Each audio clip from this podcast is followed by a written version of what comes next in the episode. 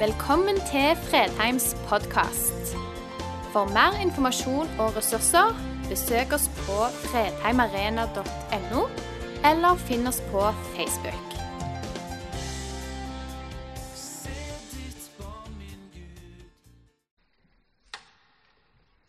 Sein fredag kveld så skrev jeg en mail til de som er medlemmer i forsamlingen, med overskriften 'Jeg gleder meg'. Og Det er noe som jeg har kjent i det siste som fyller med så mye glede og spenning og forventning. Og jeg sa jeg gleder meg til i dag. Til å få lov å dele Guds ord. Spennende tema. Neste søndag få lov å dele Guds ord. Da skal vi ha to dåp, medlemsopptak. Spennende ting som vi får lov å være med på. Fikk vi en mail for et par dager siden fra et noen foreldre til konfirmanter som fortalte om hva dette året hadde betydd for konfirmanten og for de sjøl som voksne. Det var gripende å lese. Hvordan mennesker gjennom det året som ligger bak, har kommet nærmere Jesus, og det har betydd en forskjell i livet. Og ikke minst mye av det som kan skje i høst, som er bare så spennende og løfterikt. Går det an å ha et kjedelig kristenliv? Skal jeg være helt ærlig, Noen av dere så ganske kjedelige ut akkurat her og nå. Det datt kanskje litt sånn fort ned på dere, akkurat det spørsmålet. Klart det er dager vi syns livet er utfordrende og vanskelig. Men jeg har hatt en sånn en liten følelse Jeg har møtt noen mennesker som av og til sier det Det der kristenlivet, det er jo så kjedelig. Så jeg tenker, er det mulig at et kristenliv et sant, bibelsk fungerende kristenliv et kjedelig liv. Nå sier jeg ikke at det ikke kan skje kjedelige ting, for det gjør det. Det har vi mer enn nok av i vår egen nærhet. Ting som er utfordrende, vanskelig og tøffe å, å leve med. Men kan det være kjedelig? Er det mulig? Vi som tror på en levende Gud, som elsker å kommunisere med oss, som vil ha relasjon og fellesskap med oss, kan det da bli kjedelig? I dag så er det siste sånn tema innenfor det som har med Den hellige ånd å gjøre. Neste søndag avslutter vi hele vårens prekeserie. og Da skal vi inn i det evige. Jeg skal snakke om det evige livet. Men det er noe som gjør kristenlivet annerledes. Det at vi skal få lov å tro at vi som har tatt imot Jesus, vi kan høre Gud tale til oss. Gud kan bruke oss, Gud kan minne oss på ting. Vi skal få lov å tro på at det går an å lytte til Åndens stemme. Jeg har kjøpt meg en skikkelig predikantbibel. Så hvis du lurer på noe nå, så er det tung argumentasjon. Det er den største jeg fant. De var på billigsalg her for et par uker siden. Jeg har lenge hatt lyst på en sånn skikkelig predikantbibel. Den hellige ånd sitt viktigste redskap er Guds ord. La oss lese. Ennå har jeg mye å si dere, men dere kan ikke bære det nå. Men når sannhetens ånd kommer, skal han veilede dere til hele sannheten. For han skal ikke tale ut fra seg selv, men si det han hører, og gjøre kjent for dere det som skal komme. Han skal herliggjøre meg, for han skal ta av det som er mitt, og forkynne det for dere.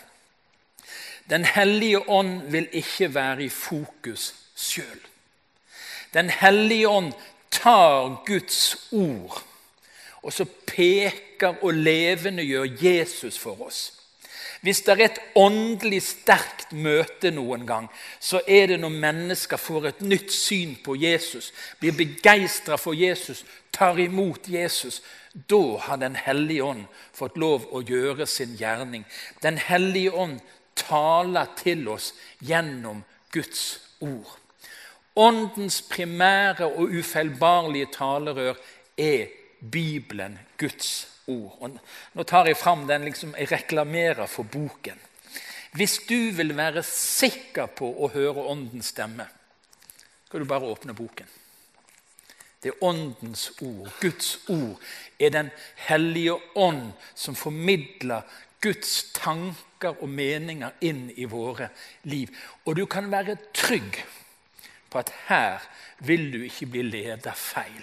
Og så er det noe som jeg mer og mer oppdager, og som gjør det så spennende å lese i denne boken, at til slutt, hvis du leser Bibelen riktig, så er det ikke sånn at du leser denne boken for å finne ut noen meninger noen tanker.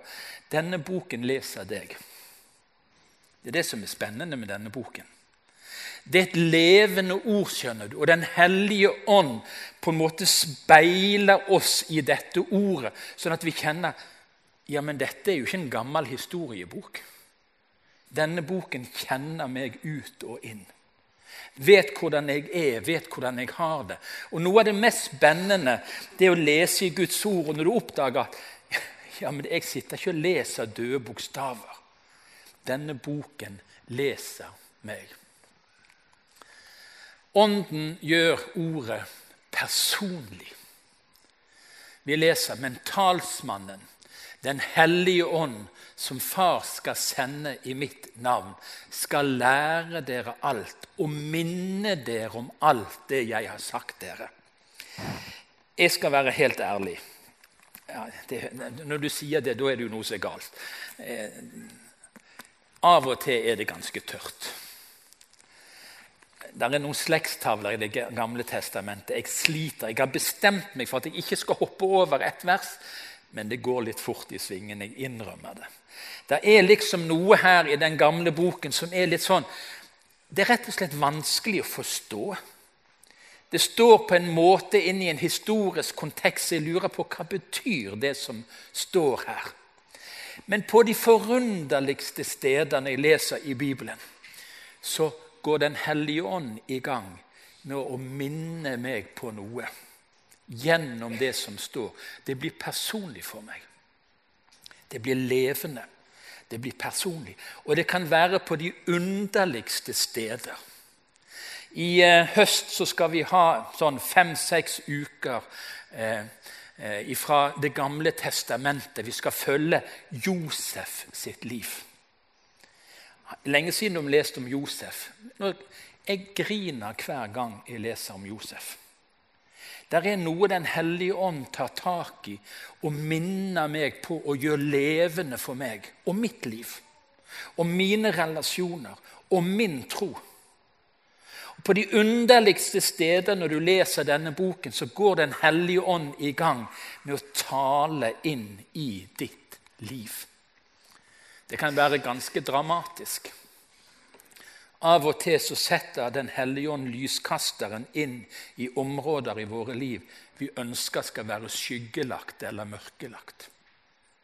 Jeg tror de fleste av oss har områder vi kjenner på skam. Uoppgjorte ting, holdninger som ikke er verdig et Guds barn. Og Av og til så tar Den hellige ånd og så lyser den opp ord for oss. Og så er det som om Gud gjennom ordet bare taler oss rett i fleisen. Du er mannen. Du er kvinnen. Det kan være dramatisk, det kan være utfordrende når Gud virkelig avslører oss, når Ånden avslører oss. Andre ganger er det bare så herlig. Du kan være på en gudstjeneste, du kan være på et møte eller du kan lese over en åpen bibel. Og så er det bare som det åpner seg for deg. Brant ikke hjertet i oss da han talte til oss på veien og åpnet Skriftene for oss? Det er noen ganger hvor ordet bare blir så Det er til meg. Det er om meg. Det gjør noe med troen, det gjør noe med livet. Og det er Den hellige ånd som lyser opp noe for oss. Og åndens stemme lyder gjennom Guds ord. Dine ord gir lys når de åpner seg. Jeg hoppet over en liten sånn historie som jeg tenkte jeg skulle ta med. Kanskje du òg har opplevd det sånn at du sitter på en gudstjeneste, så opplever du at talen er bare til deg. Og så ser du deg liksom til siden. Hvem er det som har sladra? Jeg sto et annet sted og forkynte Guds ord en søndag formiddag. Og etter talen kommer det fram en illsint dame Det hender de er illsinte, damene òg. Hun kom rett fram og snakket meg rett inn i ansiktet, innenfor denne komfortsonen min. 'Hvem har sladra på meg?' sa hun. Og Jeg tenkte, hva, er det du sier Det er noen som har sladra på meg. Ja, du, det du sa i talen, det må noen ha fortalt deg. Nei, jeg, jeg, har ikke snakket med noen. Jo, jeg har snakket med Gud. Jeg har bedt for denne gudstjenesten, jeg har bedt for det budskapet. Jo, noen må ha sladra.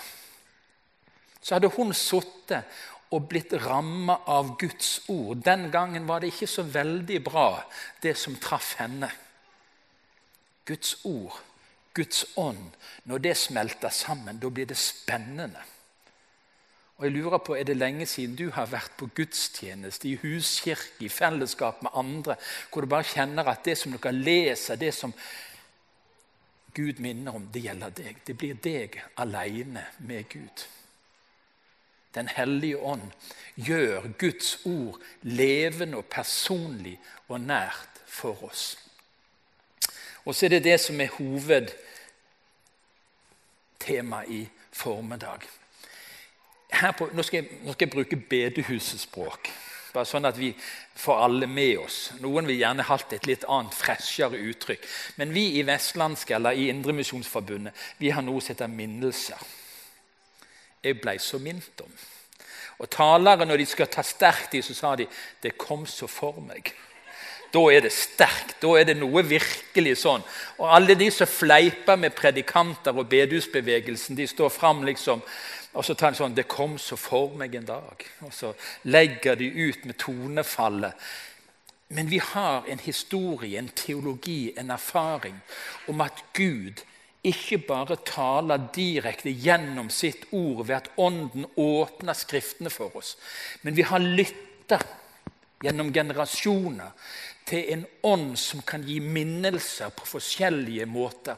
Og Det står om det i apostelgjerningene kapittel 2, at det skal komme en tid i de siste dager, sier Peter, skal det skje, sier Gud, at jeg øser ut min ånd over alle mennesker.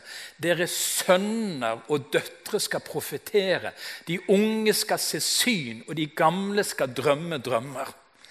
Og Nå handler det ikke om de der drømmene som du har så du våkner kaldsvett eller varm eller heit. eller et eller annet av. Nå handler det om noen andre drømmer. Nå handler det ikke om dagdrømmene hvor vi drømmer oss bort og alt er bare fantastisk. Men det handler om noe helt konkret.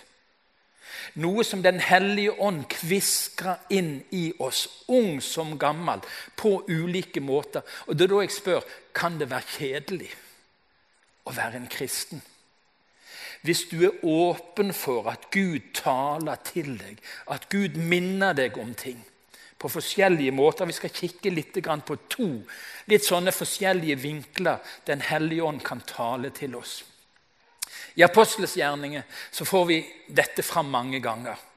Den hellige ånd, står der, hindret dem i å forkynne ordet i Asia. Derfor fortsatte de gjennom det frygiske og galatiske området. Da de var kommet nesten til Mysia, prøvde de å dra videre til Betynia, men Jesu ånd ga dem ikke lov. Da er det spennende. Da er det spennende å være misjonsleder. Da er det spennende å være en kristen. Når du foran valg, foran avgjørelser i ditt liv, kan lytte. Og så kan Den hellige ånd minne deg på noe tale inn i ditt liv. Du kan få lov å kjenne det på ulike måter. Nei, vet du hva? Ikke der, men der. Ikke den veien, men den veien. Ikke det, men noe helt annet. Da blir det spennende å være en kristen som får lov å være en mottaker av budskap som Den hellige ånd gir, og gir inn i våre liv. Du kan oppleve det ikke minst når du ber. Jeg har funnet ut det at hvis jeg ber kort og heftig, sånne kjappe bønner, da blir det ofte enveiskommunikasjon. Har du merka det? At Hvis du har dårlig tid, da er det liksom sånn du får sagt noe til Gud og minnet Han på noe. Har du tid, å sette deg ned og være stille, så kan det rett og slett hende at han begynner å tale til deg. Og det er noe annet ofte. Det er noe annet ofte. Jeg trenger litt tid for å komme inn på den kanalen. Ofte er bønnene mine før jeg skal gjøre noe, og i hast før jeg skal på noe viktig. Men de dagene jeg får lov å sette meg stille ned, så kan hende etter en stund i godstolen på kontoret, så, så begynner det å skje noe i tanken. Begynner å skje noe i hjertet. Det er som om Gud kviskrer noe inn i mitt liv, om mitt liv, om ting som vi skal få lov å dele. Og enkelte ganger så er det at du blir minnet om noe som gjelder andre mennesker. Det som du kjenner en fornemmelse, en retning, noe som Gud legger på deg. Skulle ikke du ha sagt til den? Skulle ikke du ha stukket innom til den? Og Det er da vi liksom har en sånn lang historie. Jeg blei så minnet om. Jeg blei så minnet om å si til deg. Og Det er Den hellige ånd som prøver å nå gjennom travelheten og støyen og sende oss og bruke oss i møte med andre mennesker. Og Det er så mange eksempler på hvordan det har redda liv, bokstavelig talt. Både menneskelig, fysisk og åndelig. Hvordan åndens minnelser brukt til å hjelpe mennesker, og folk har vært lydige. Oftest er det kanskje veiledning i eget liv. Og så Av og til så kommer det som et budskap til fellesskapet. Det detter ned en tanke. Det detter ned noen ord. Det kommer et budskap. Det kan være en profetisk tale, det kan være i tungetale, det kan være på forskjellige måter at Den hellige ånd gir en uro inne i oss som skal deles. Så har vi en litt sånn tendens til å skille. At, eh, jeg skal ta et eksempel. På gamle dager, Nede på gamle Fredheim så hadde vi besøk av en virkelig fantastisk forkynner. Han preikte profetisk åtte kvelder inn i forsamlingen. Han hadde ikke vært på besøk hos oss før. Så spurte jeg han på forhånd vil du ha et tema. Nei, det tar Herren seg av, sa han. Og Så sendte han noen uker før åtte preketema fra søndag til søndag over ting han ville preike om på Fredheim. Og Da ble jeg nervøs. Da tenkte jeg hvem har sladra om forsamlingen? For kveld etter kveld etter kveld så ga han oss budskap som traff våre liv og vår forsamling.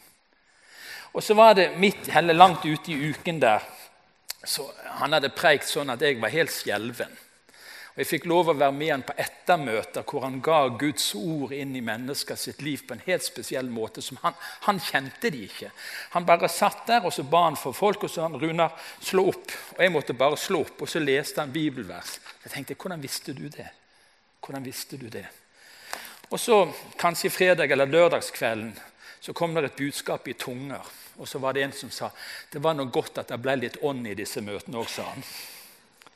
For det forberedte det har ikke med ånd å gjøre. Sant? Det er bare det som kommer spontant. Det er liksom åndelig. Så jeg tenkte her er det et eller annet vi har bomma på. Guds ånd hadde vært så sterkt til stede. og dette handler ikke om å si noe negativt om tungetale. Det var bare en sånn situasjon du forstår hva jeg vil frem til. Sant? Av og til gjør vi ting åndelige, og så gjør vi andre ting uåndelige. Jeg våger å si Jeg kan ikke tale for de andre som taler på Fredheim. Jeg bruker timevis i forberedelse før hver preken. Jeg ber og jeg spør Gud Gud, har du noe du vil jeg skal si. Jeg tror det er åndelig. Så skal du lytte til forkynnelsen med alle dine sanser åpne og vurdere om det stemmer med Guds ord, enten det er meg eller andre som prater. Men poenget det er den samme ånd som virker gjennom det forkynte ordet og gjennom budskap på forskjellige måter. Men av og til i forsamlingen, både i den lille gruppen og i den store forsamlingen, så presser Den hellige ånd fram noe han vil si til oss. Og Det er jo så spennende å være på en gudstjeneste når mennesker som kommer på gudstjenesten, sier det lenge før gudstjenesten minte Gud meg om noe. Og så bare går det hånd i hanske med det andre er blitt minnet om. Og Så hender det at noen velger en sang som bare klaffer 150% Så tenker jeg Gud, du er stor. Forrige søndag for en uke siden så preikte jeg i Molde sammen med en sangevangelist jeg aldri har hatt møter med før. Så Jeg har truffet noen ganger. Eh, og så hadde vi avtalt en sang etter talen min søndag formiddag i Molde. Men under preken så ble han minnet om en annen sang. Og Så gikk han fram etter talen, og så sang han den sangen. Da begynte jeg å fryse nedover ryggen, for da visste Gud nå vil du noe. Han tok en av mine to favorittsanger gjennom alle tider. Og Han visste ikke at det var en av mine favorittsanger. Og ikke bare var det en av mine favorittsanger, men den talte forlenga budskapet inn i forsamlingen og åpne opp for Guds ånd og virkning. Og Nå leste jeg fra hjemmesiden i den kretsen jeg var talt, at den søndagen gikk det 150 mennesker til forbønn. Hvorfor? Fordi Guds ånd fikk lov å virke på forskjellige måter, gjennom ulike gaver, gjennom minnelser. Den gangen tror jeg sangen var med å utløse mer enn min preken. For den bare gikk rett til hjertene på folk og var med å vise en vei. Den hellige ånd kan minne oss på. Kan åpne tanke, hjerte og sinn. Og Da syns jeg det blir spennende å være en kristen.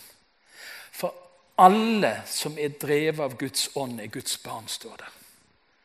Alle Guds barn er åndsbærere. Det er ikke et A-lag og et B-lag. Du kan på din måte, på åndens måte, lytte og høre at Gud taler gjennom ulike former for ord. Teksten talte også om drømmer og syner. Kanskje vi kaller det for bilder. I Damaskus bodde en disippel som het Ananias. I et syn sa Herren til ham. I et syn. Ikke vet jeg hvordan det synet var. De gamle skal drømme drømmer. Hvor mange, gamle, hvor mange regner seg som gamle her igjen? Jeg må kikke. Skal vi si at alle over 60 er gamle? Ja, Nå var det noen som ble skikkelig fornærma her. da. 70. De gamle skal drømme drømmer. Jeg har av og til noen drømmer jeg skulle ønske var åndens drømmer. For ca. en uke, uke, siden så våkna jeg av en drøm om Fredheim. Som jeg sa jeg, jeg, jeg, må sove litt til. Jeg må prøve å komme meg inn i den drømmen, for det var så spennende. Det var så utrolige ting som skjedde. Så tenkte jeg oh, la meg få lov å drømme mer. Jeg tror ikke det var Den hellige ånd, dessverre. Ja, ja, for all del. Jeg kan jo aldri vite. Men det er noe når Gud får lov å tale til oss. Syner, i drømmer og på forskjellige måter. Om natten hadde Paulus et syn. Den er veldig konkret. Han så en makedoner som sto og kalte på ham og ba. Kom over til Makedonia og hjelp oss. Da han hadde hatt dette synet, forsøkte vi straks å komme, å komme til Makedonia. For vi skjønte at Gud hadde kalt oss til å forkynne evangeliet der. Det er ganske tydelig. Han så en makedoner som sa 'Kom over og hjelp oss'. Og Sånn starta Europamisjonen. De hadde tenkt seg en annen vei men de fikk ikke lov. Gud hadde en plan, Gud hadde en tanke, og han brukte sin ånd til å gi Paulus et syn, en drøm, en åpenbaring, som ble startpunktet på noe nytt i Guds rike. Er det kjedelig å være kristen? Eller tenker du hvor spennende kan det ikke være? Hvis mitt liv med Gud kan være sånn at Guds ånd kan tale til meg. Gjennom ord og minnelser, gjennom bilder, tanker og drømmer og syner. Og det kan bety en forskjell. Når du ber igjen Det kan være Jeg har hørt noen merkelige bilder. Jeg skal ikke ta noen konkrete eksempler, men det har hendt noen har reist seg på gudstjeneste eller møte og så sagt jeg har et bilde Og så har de sagt ett ord. Så tenker jeg Er det mulig? Er det mulig? Pinligere kan det nesten ikke bli. Og Så sitter det i den samme salen et menneske som i hele sitt tanke- og følelsesliv har gått fast. Og så var det det ene ordet som kjentes som en Guds tiltale inn i situasjonen. For meg virka det helt merkelig. Men for den personen hvor ting var knytta i hop, så var det det ordet, det bildet som ble sagt, som viste Gud kjenner meg. Gud elsker meg. Gud er her. Han taler til meg på en sånn måte. Av og til så kommer fornuften i veien for det Gud vil gjøre når han vil dele sin vilje, sine tanker, med oss. Som ofte er en veiledning igjen i eget liv, og det kan være et budskap inn i fellesskapet. Av og til sier noe noe, deler noe som vi kjenner. Det var noe med det budskapet. Det var noe med det budskapet.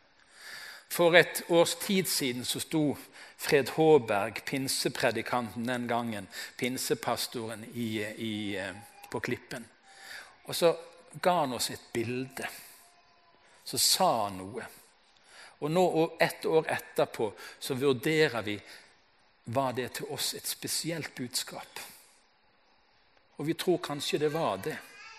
Han sa noen enkle setninger noen hadde sett, noen hadde tenkt. Og så kjenner vi det berører noe i forsamlingen vår sitt liv. Noen av dere tenker at det var da veldig Nå er det bare fritt fram. Alle disse tingene skal prøves. Forkynnelsen skal prøves. Du skal aldri bare sitte og nikke og bukke. Jeg liker at folk nikker og er litt med. Det, det, det, det er bra. Men du skal alltid vurdere det som forkynnes. Du skal alltid være på vakt, og så skal du tenke stemmer det? Er det sånn Guds ord underviser meg? Er det sånn jeg forstår Skriftene? Guds folk skal alle være opptatt av å lytte og vurdere positivt. Ikke kritisk på den måten at en sitter sånn ja, ja, ja, og gir karakterer til presteprekener sånn, sånn ja, gjennomsnittlig. Jeg, jeg, har noen som av og til tar meg på kirkekaffen etterpå. 'Det var en treer i dag, pastor', sa han. Det var en treer. Ja, ja. Det har blitt en spøk mellom oss, men jeg er veldig glad for at han en gang i vår sa det var en sekser òg. Altså, det, sånn, det skjer. Det, det er ikke det vi er ute etter. Men vi er ute etter å vurdere etter to eller tre vitners utsagn skal enhver sak være avgjort. Hvis du får et budskap til deg, hvis noen er minnet om å si noe til deg, så skal du ta imot og være åpen, og så skal du vurdere det, og så skal du prøve det. Og så skal du leite etter bekreftelser. Der kom en til meg en gang ganske så frimodig og ga meg et veldig direkte budskap. Så tenkte jeg ja vel. Det var litt mer sånn dramatisk enn hverdagslig. Hvordan skal jeg sjekke ut det? Jeg trenger bekreftelser fra Guds ord. Jeg trenger at andre minner meg på det. Jeg kan ikke bare stole på et sånt utsagn i seg sjøl. Vi kan ikke la våre liv bli styrt av enkeltmennesker sine minnelser. Vi må vurdere det. Men vi har noen måter å sjekke på. Er det i overensstemmelse med Guds ord, med Bibelen? Vil Gud bli æra gjennom det? Skjer det? Det profetiske ordet i Bibelen Du kan sjekke det på at det skjedde. De sa hva som skulle skje, de sanne profetene, og det skjedde. De falske profetene sto fram, og det skjedde ikke. På samme måten skal vi være opptatt av i vår tid. Men det siste ordet skal vi dvele litt med. Så skal vi gå litt inn i det som står i 1. Tessalonikerbrev 5, 19-21. Slukk ikke ånden. Forakt ikke profetord. Men prøv alt, og hold fast på det gode. Vi vil være en forsamling som ikke vil slukke Ånden. Vi er avhengige av at Guds ånd får lov å levendegjøre Guds ord for oss. Male Kristus for oss tydelig og stort og herlig. Vi vil være en forsamling hvor nådegavene skal få lov til å vokse i trygghet. Hvor vi skal få lov å dele med hverandre, ikke minst i huskirker og mindre samlinger, men òg i våre gudstjenester. Når Guds ånd taler, så vil vi ikke slukke ånden. Jeg må innrømme jeg har vært på noen bedehus opp gjennom mitt liv. Jeg husker enda et nattværmøte jeg var på i, I, gamle dager på bedehusene så hadde vi nattværmøter med sånne langbord med hvit duk på, damaskduk og sølvlysestaker. Jeg vet ikke om noen av dere har vært med på sånne nattværmøter. Det var liksom for kjernetroppene. Og Jeg husker ennå jeg var et annet sted på et sånt nattværmøte, hvor en ble minnet om å si noe i tunger. Og før han hadde sagt to setninger, så begynte folk å stemme i en sang. Så sang de han ned. Jeg kjente for en smerte for den personen å oppleve å bli sunget ned. Men for en måte å slukke ånden på. Jeg tror den personen hadde fått et budskap fra Den hellige ånd som han skulle dele med forsamlingen den gangen. Men det passte seg ikke. Den hellige ånd er var. Den hellige ånd er var. Det går an å utslukke ånden. Det går an å hindre Den hellige ånd. Det går an å være til stede og ha så mange pigger ute at Den hellige ånd ikke får rom til å tale og til å virke. Og Da kommer Guds ord og sier 'slukk ikke ånden'. Og så vil jeg si det til deg, du som er åndelig, for alle kristne er åndelige. Vi har Guds ånd i oss. Ikke slukk ånden i ditt liv. Ikke lev sånn at Den hellige ånd blir fortrengt i ditt liv. Paulus skriver til Timoteus eh, La Guds nådegave i deg flamme opp på nytt. Altså Det var noe som holdt på å slukkes ut. Og Jeg vet ikke hvordan du har det med Gud, om du allerede gått inn i tørketiden, for nå er det snart sommer. Og Da har vi liksom tillatt oss at det skal være åndelig tørt. Av en eller annen grunn så har vi tillatt oss det vi snakker om åndelig tørketid. Ikke slukk ånden i ditt liv. Gi ånden næring. Gi ånden muligheter til å tale, til å virke i ditt liv.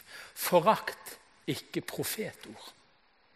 Og da gjelder det først og fremst det profetiske ord i Bibelen.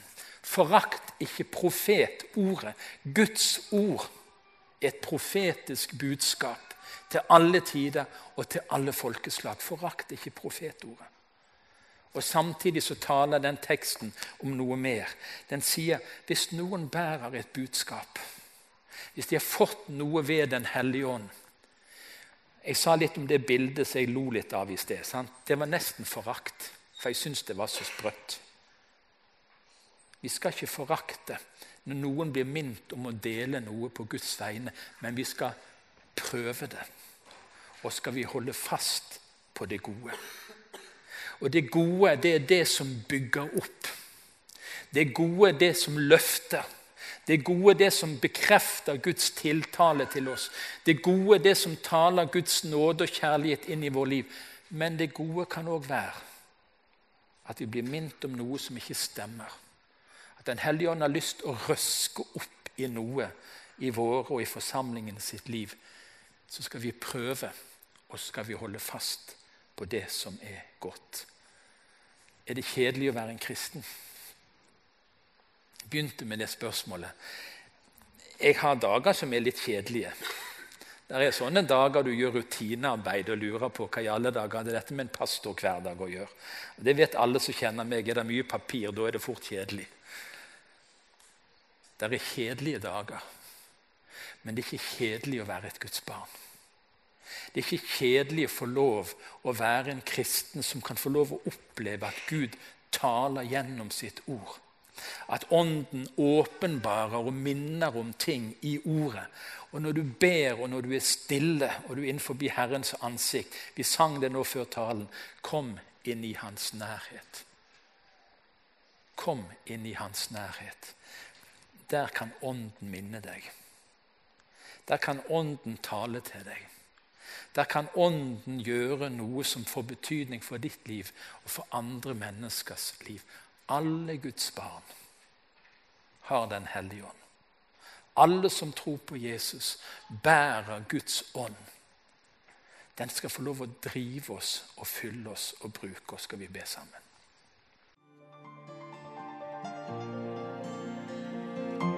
Takk for at du valgte å høre på. Nye opptak legges ut hver uke.